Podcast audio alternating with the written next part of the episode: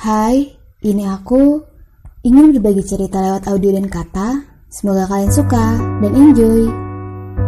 Gimana hari ini? Baik bukan? Semoga selalu begitu.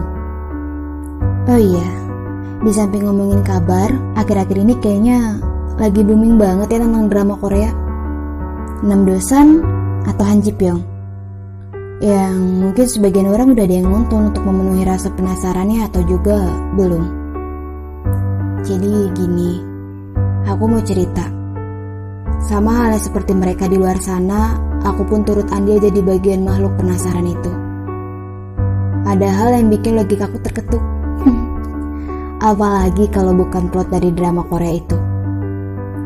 Bukan tentang sepasang pria yang sedang merebutkan satu wanita, melainkan sisi value yang kaitannya dengan tekad kuat menggapai mimpi. Please, mimpi di sini bukan bunga tidur, oke? Okay?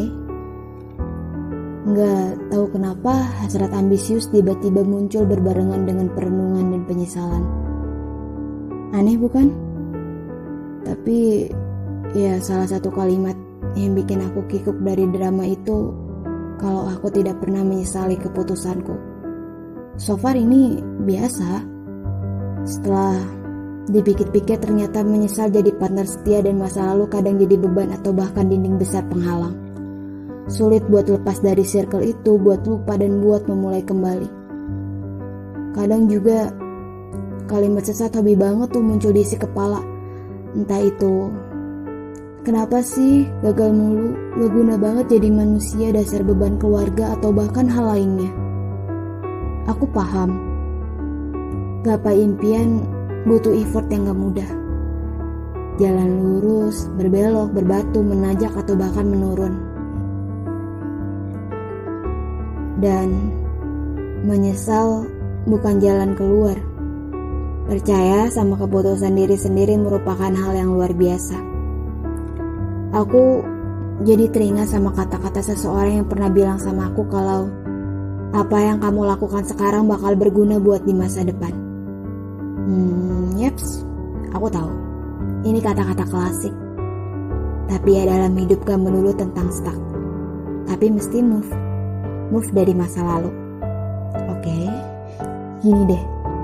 Dalam sebuah kalimat, titik bukan berarti akhir dari kalimat, melainkan jeda untuk melanjutkan kalimat berikutnya. Sampai sini paham?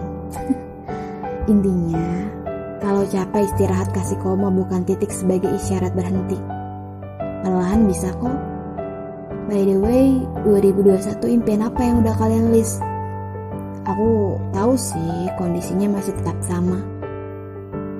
Tapi nggak ada salahnya kan buat remove yang lalu dan remake kisah lama jadi baru. So ya, tetap semangat dan jangan lupa bahagiain diri sendiri ya.